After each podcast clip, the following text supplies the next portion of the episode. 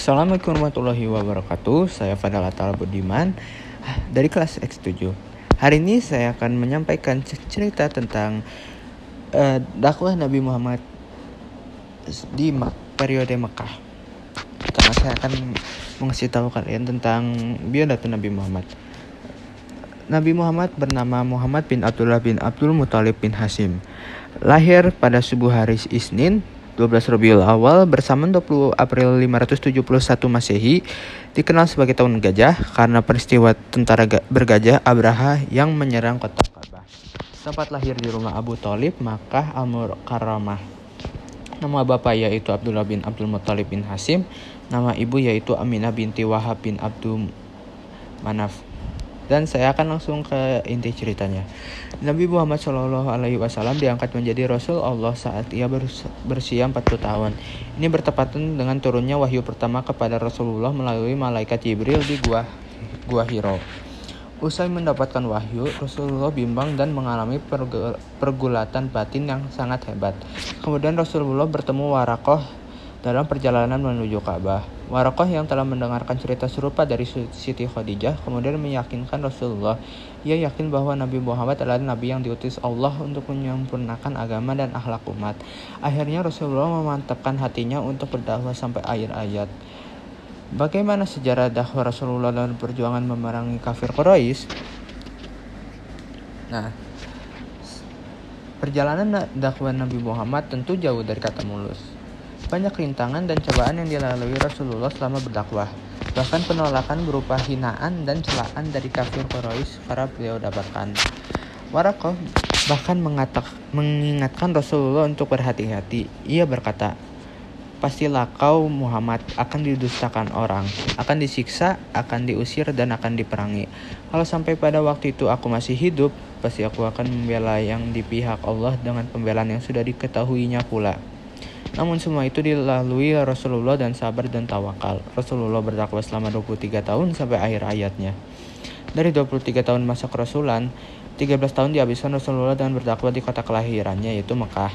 Sedangkan 10 tahun sisa, sisanya dihabiskan di di kota Madinah. Dalam tiga tahun awal masanya di masa dakwahnya di Mekah, Rasulullah berdakwah dengan cara sembunyi-bunyi ia mendakwahi beberapa orang terdekatnya yang diyakini bisa merahasiakan pesan yang dibawanya.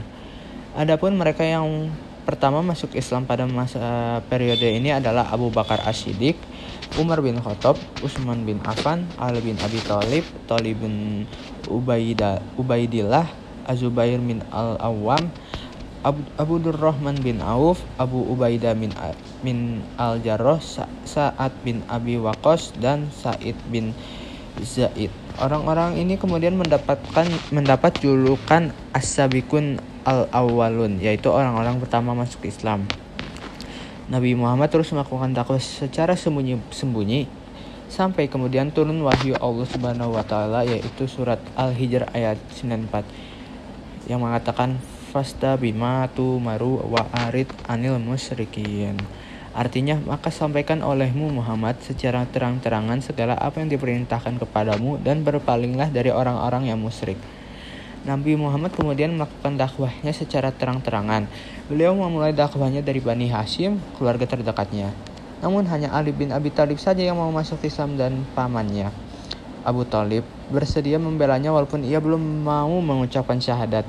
Banyak kafir Quraisy yang menentang ajaran Nabi Muhammad, termasuk pamannya sendiri yaitu Abu Lahab. Mereka melakukan segala cara untuk menolak ajaran yang dibawa Rasulullah. Bahkan mereka berencana untuk membunuh Nabi Muhammad. Hingga akhirnya turun perintah Allah untuk hijrah ke negeri Habasyah, di mana ada raja yang adil di sana. Raja itu disebut tidak akan membiarkan rakyatnya ditindas dan dianiaya. Namun kemudian turun lagi perintah dari Allah untuk hijrah ke kota Madinah. Kemudian Rasulullah beserta para sahabatnya hijrah ke Madinah dan membangun Masjid Kuba. Masjid ini dijadikan tempat sholat dan tempat menyusun tugas-tugas dakwah. Pembangunan Masjid Kuba berjalan dengan lancar dan Nabi Muhammad pun turun mengulurkan tangan dalam menyelesaikan pembangunannya. Rasulullah berdakwah sampai akhir ayatnya.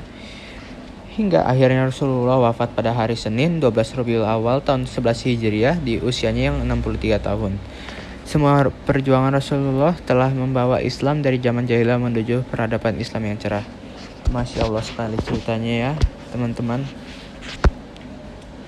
Nabi Muhammad ini sangat orangnya tidak pantang menyerah. It, itu adalah sikap yang harus kita ikuti. Oke, itu saja cerita tentang Nabi Muhammad selama periode di Mekah. Topik kedua yang saya akan bicarakan adalah tentang bagaimana cara kita membela uh, apa yang harus kita lakukan kepada saudara kita yang di Palestina yang pada saat ini mereka sedang dalam peperangan dengan Israel yang harus kita lakukan kepada saudara kita yang di Palestina adalah memberi dukungan kepada Palestina seperti memberikan donasi kepada donatur yang terpercaya tanpa perlu kita harus kes, datang ke sana. Yang kedua, kita bisa menyebarkan berita tentang kekejaman pihak Israel kepada pihak Palestina dan yang terakhir kita harus lakukan yang harus kita lakukan adalah selalu mendoakan yang terbaik untuk saudara kita di Palestina. Begitu saja yang bisa saya bicarakan. Saya pada Allah Budiman, pamit undur. Wassalamualaikum warahmatullahi wabarakatuh.